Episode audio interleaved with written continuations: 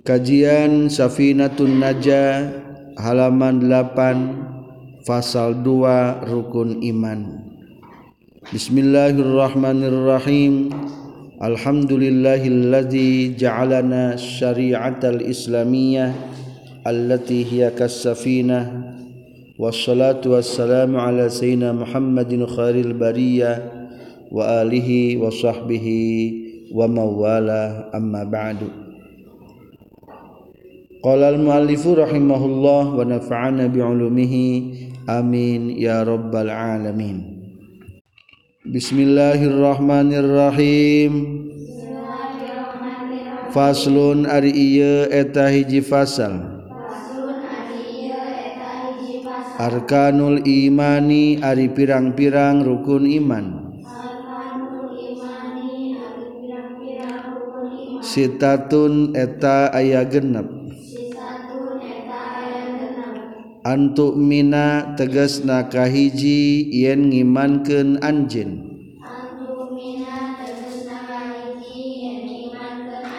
Billahi kana ayatna Allah. Wa malaikatihi sareng kadua yen ngimankeun anjeun. ka pirang-pirang malaikat Allah wa kutubihi. Sareng katilu yen ngimankeun anjeun. Kana pirang-pirang kitabna Allah. Wa rusulihi. Sareng kaopat yen ngimankeun anjeun. Ka pirang-pirang rasulna Allah wa bil yaumil akhiri. Sareng kalima yen ngimankeun anjeun. Kana poe akhir. Tegesna poe kiamat. Wabil qadari. Sareng kagenep yen ngimankeun anjeun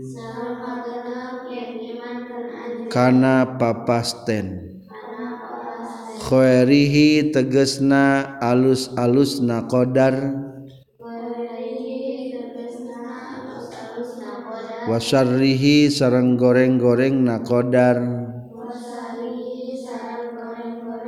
Minallahi ta'ala ti Allah ta'ala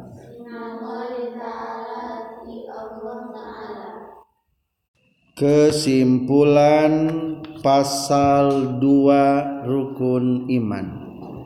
Baca terjemahnya terlebih dahulu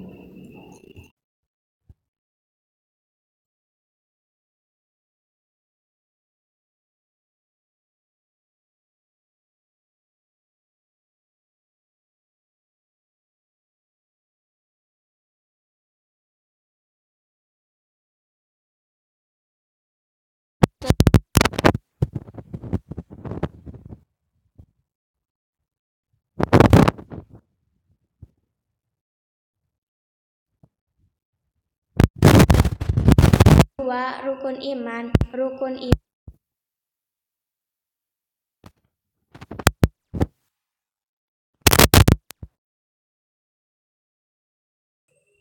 pasal kedua rukun iman. Rukun iman ayah genep nyaeta hiji iman ka Allah dua iman ka pirang-pirang malaikat Allah tilu iman kana pirang-pirang kitabna Allah opat iman ka pirang-pirang rasulna Allah tegesna utusan Allah lima iman kana poe akhir atanapi poe kiamat genep iman kana takdir atanapi papasten hade goreng ti Allah Para pelajar membahas tentang rukun iman. rukun hartosna tihang iman hartosna kepercayaan.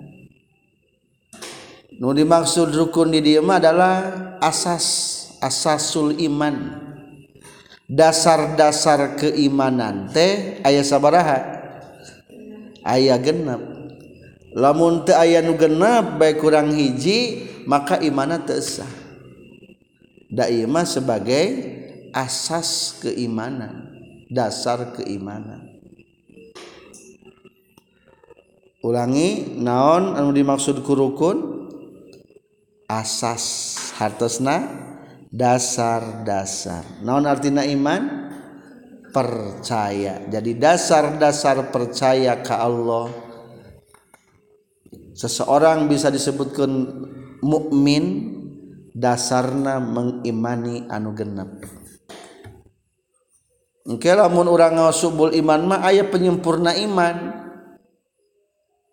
Sadayana dijumlahkan sarang asal iya jantan 77 cabang iman. Tak orang belajar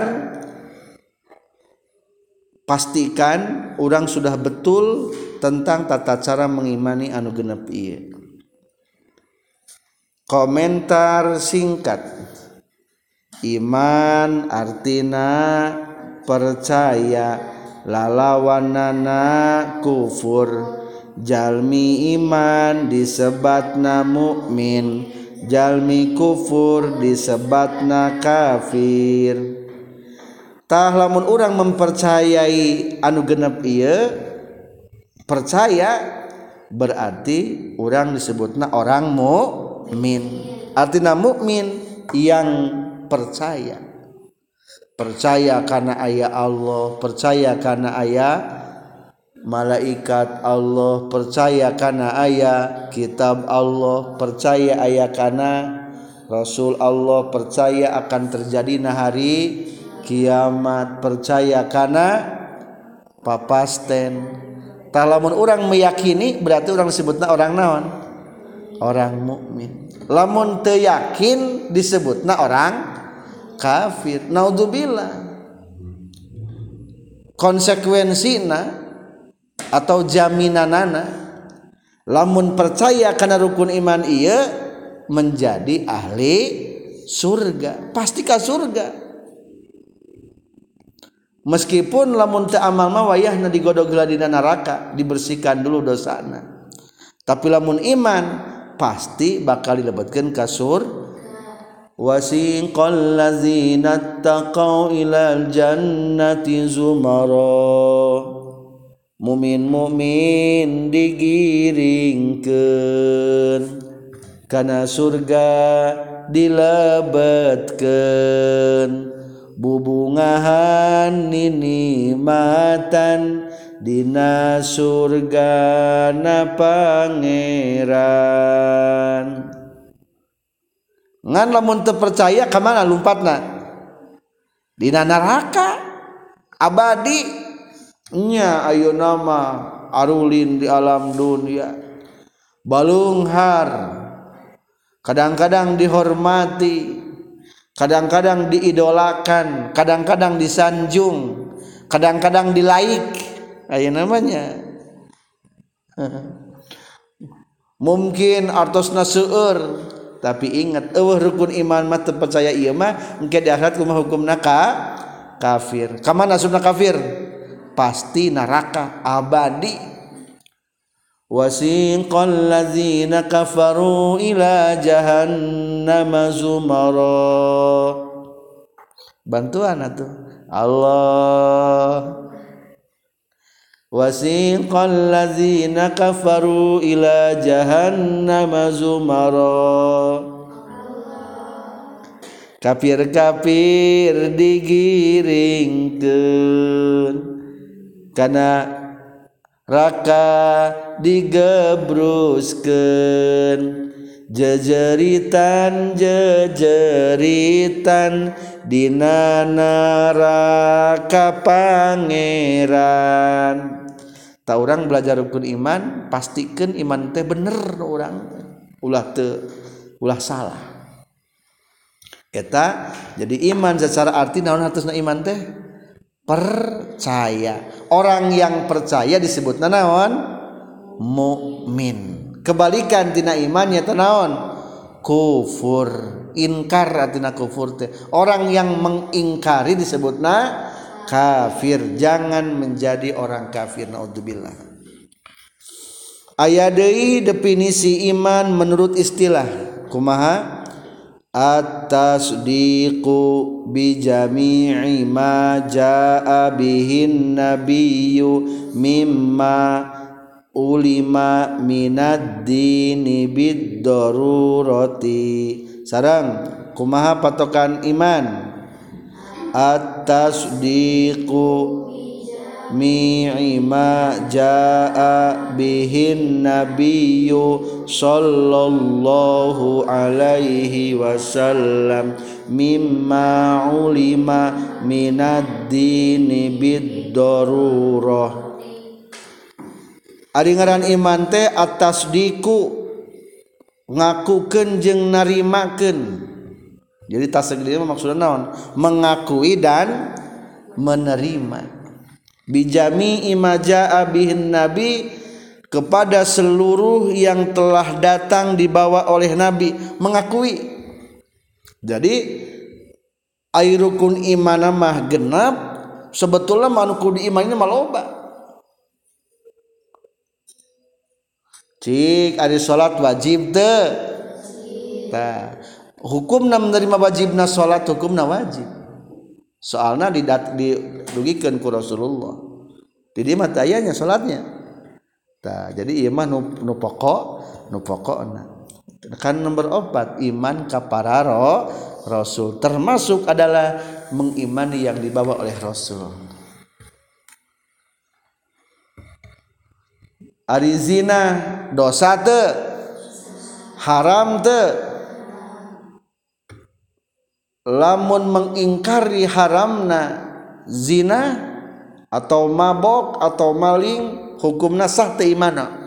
Tesa jadi pokoknya iman mah adalah mengakui dan menerima seluruh yang datang dari Nabi Muhammad sallallahu alaihi wasallam. Mimma ulima yakni segala sesuatu yang telah diketahui minad dini daripada agama bid darurah secara terang benderang jelas-jelasan. Terus terangnya jelas-jelasan dukun iman. Eh, e, salat ayat zakat ayat nu diharamkan ku Allah seperti zina gasab maling naudzubillah musyrik. Eta tasdek. Jadi ulangi naon ngaran iman? at-tasdiqu bi jami'i ma jaa bihin nabiyyu sallallahu alaihi wasallam mimma ulima minad dini bid darurah hartosna ngakukeun jeung narimakeun kana sakur perkara anu dicanda ku Rasulullah Allahu alaihi wasallam. Buktosna perkara anu aya dina agama kalawan jelas. adik-adik pelajar yang berbahagia mana anuku diimani nu paling mendasar asasul iman atau rukun iman?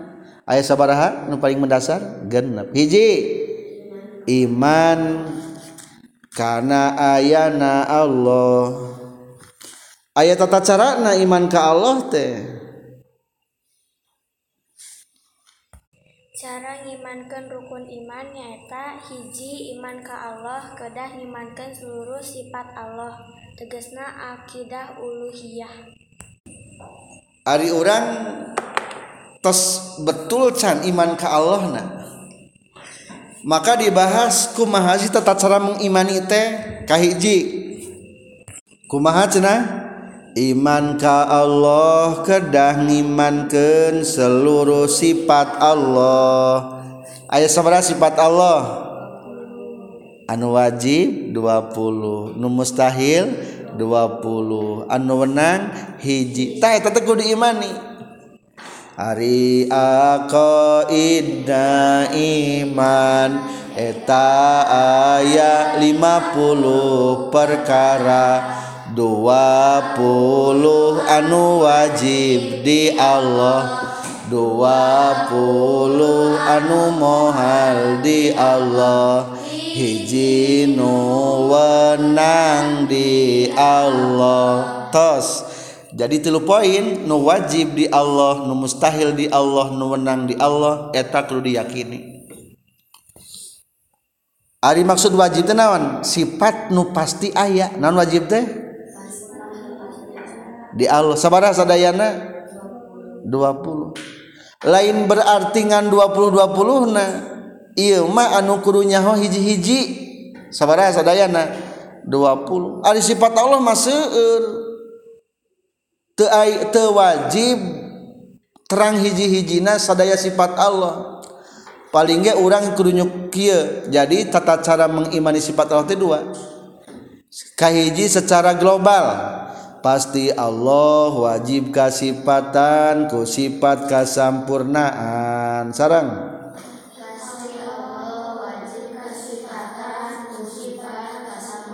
Eta global eta materi sebutan hiji-hiji. Mustahil Allah ngagaduhan sifat kekurangan etama global. Ay global terang garis besar ayah deui nu kudu apal rincianana hiji-hiji. Tah nu kudu apal hiji-hiji man sabaraha? Nu wajibna 20 nu mustahilna 20 nu wenangna hiji. Tah eta mah kudu apal hiji hiji tos tos kawas cacan 20 entasnya. Wujud kidam baqa mukhalafatul lil hawadisi qiyamuhu binafsihi wadaniyat kudrat iradat. Ilmu hayat sama basar kalam qadiran muridan samian basiron mutakaliman ayah belanggeng beda jeng sakabeh nu anyar. Jumenang kalawan datna hiji Allah dina datna. Hiji sifatna hiji damelanana kawasa kersa uninga hirupna. Ngadangu ningali sasauran anu kawasa bukti Allah kersa nuuninga anu hirupna. Bukti nu ngadangu nu ningali nu ngadawu janten sadayana nuwajibna 20 tahun 20 eta salah baik ngaitikadkeun tetulus imana teh. Matak supaya leres engke imana nu 20 eta bakal dibahas dina ilmu tau tauhid dina kitab naon? Tijan ad-darori dibahas na engke. Da bisi salah. Ayeuna makin rangkeun globalna. Nu mustahil di Allah sabaraha? 20 nu kudu apal hiji-hijina teh. Naon bae? Adam hudus pana mumasalah lil hawadisi ihtiyaj ta'adud ajzu karoha hal mausoman ama abkam ajizan karihan. Jahilan mayitan asoma ama abkama. Mustahil. Ewe anyar ruksat. sarupa rejeng nu butuh kana tempat sareng butuh kanu ngayakeun. Bilang ngadatna sifatna sareng damelna. Apa kapaksa bodoh mau torek lolongna rebukti Allah anu apes anu kapaksa. Bu a anu bodoh maut rek lolong anu pirena. Tak eta hukum naon? Mustahil. Non mustahil teh? Mual ayah di Allah pasti eueuh di Allah teh. Jadi Allah mah mual eueuh. Allah mual ayah tungtungna Allah mual sarupa. Terjadi mustahil mah mual mual terjadi di Allah. Kahiji nu wenang di Allah sabaraha? hiji kumaha? Wenang di Allah na midamel barang nu mungkin. Taya anu wajib midamel barang nu mungkin. lamun orang terus bener mengimani sifat Allah nu wajib 20 anu mustahil 20 nu wenang hiji berarti orang geus bener iman imana. Umpamana cek orang cek bapak orang teh abdi mendecan terang 20 teh naudzubillah sing teu sah imana? Kan dia ge kieu disebatkeunana. cara iman ka Allah kedah ngimankeun seluruh sifat Allah. Rek kumaha ngimankeun sifat Allah lamun sifat Allah na teu apa untung orang matos apal nembenya di sebatan hiji-hiji. Paling ge engke samikeun penjelasanana da bisi beda. Kadua iman ka malaikat. Aya carana ieu ge. kumaha cara ngimankeun ka malaikat? Baca. Dua iman ka malaikat kedah nekatkeun a sifatan malaikat. Nyaeta jisim lembut anu didamel tina cahaya. Te gaduh jenis kelamin tegesna sanes pameget istri wandu teu aya indung bapaan jujur ngagedugikeun berita ti Allah tara tuang leueut teu nikah teu putraan atanapi ngalahirkeun tara sare teu diseratkeun amalna moal hisab moal ditimbang amalna sabab tara maksiat sareng salamina ngalaksanakeun perintah Allah. Di akhirat bakal digiringkeun jeung golongan jin dan manusia. Digiringkan digiringkan jeung golongan jin sarang manusia. Malaikat bakal nyapaatan ka manusia anu maksiat. Bakal lebet ka surga bari kenging nikmat surga sarang bakal katingali ku mukminin di surga. B. B wajib nyiman yen malaikat pohara lobana lobana teu aya anu terangeun kajaba Allah C. wajib iman sareng terang ka malaikat anu tos dijelaskeun namina tegasna anu 10 sareng iman ka malaikat hamalatul arsi malaikat hafadoh malaikat katabah atanapi kiromal katibin sareng malaikat karubiun tegasna malaikat tukang ngurilingan arsi kedua kedah ngimani percaya karena ayana malaikat. Ayah saha? Pernah ningali teu malaikat? Nah film pernah ningali? Eta mah gambarnya. Tah orang kudu meyakini ayana malaikat meskipun orang teu pernah ningali. Dituntut orang kudu percaya karena ayana malaikat. Percaya teu ayana jurig. Pertanyaan teh kajurig. Lamun kanu poek sieun teh. Pernah ningali teu? Nah, geuning percaya. Kade tah jadi orangnya bukan berarti teu pernah ningali teh eueuh. Tah malaikat ge mungkin orang teu pernah ningali ningali tapi meskipun ter pernah ningali orang kedah mengimani ayana para malaikat kumaha cara iman kenana? Hiji mengetahui sifatan malaikat. Kumaha cenah ge? Nyaeta jisim lembut. Terang teh jisim. Anu ngabungkeulek anu memiliki postur tubuh. Jadi malaikat mah aya naonan? Aya bentuk tubuhan. Aya mastakaan. Aya naonan deui aya jangjangan. Aya sayapan.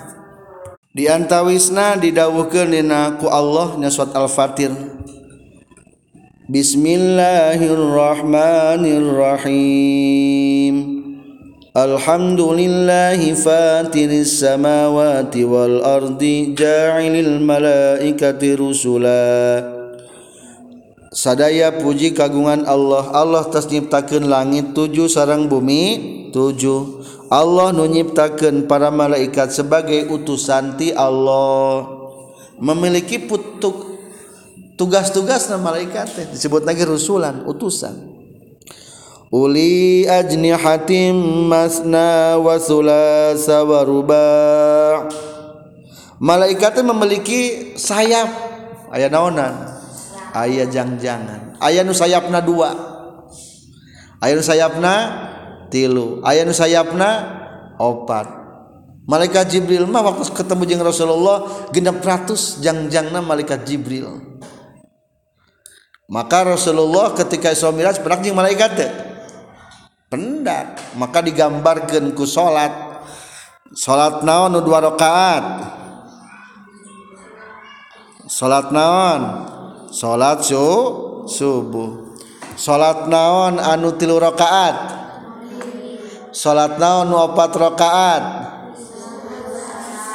Eta teh sebetulna mah sebagai penggambaran malaikat.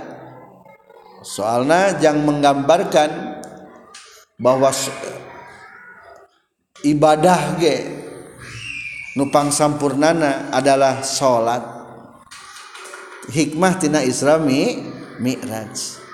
Jadi malaikatnya adalah jisim anu lembut terang terlembut halus bahasa Indonesia mah jadi malaikat termasuk makhluk halus. Itu bisa ditewak itu bisa ditinggali tapi ayah cing di dia orang ayah itu udara. Orang naik nafasnya ketinggali itu hmm, tewak. He senewakna paling diasupkan karena plastik bisanya. Jadi kembung plastiknya paling tuh anu didamel tina cahaya. Naon bahan bakuna malaikat mah? Cahaya. Jadi cepat malaikat mah bisa kaluhur ke handap cing ari matahari cepat cahayana. Cepat iya lampu lamun di pareman brep betul. Didurungkan bray cepatnya cangannya cahaya mah cepat mata perjalanan malaikat cepat langit ke bumi ge cepat malaikat mah. Lamun orang hayang tembus ke langit moal nepi. Eh tata jaraknya 500 tahun ke langit teh. 500 tahun perjalanan make onta ke langit teh. Langit ke hiji encan ke tujuh. Sami sakit tu jarakna tah malaikat mak lantaran tidak melihat cahaya maka cepat cahaya mah. Tegaduh jenis kelamin jadi tak aya pamegat aya istri malaikat. Cing ieu meja ieu ieu meja pamegat istri eueuh kelaminan? Ieu bor papan tulis pamegat istri daya kelaminan. Matahari matahari pamegat istri daya kelaminan lain duka hari bulan mata pamegat istri teu aya kelaminan. Eueuh kelaminan. Tah malaikat ge teu aya naonan? Teu aya jenis kelaminan.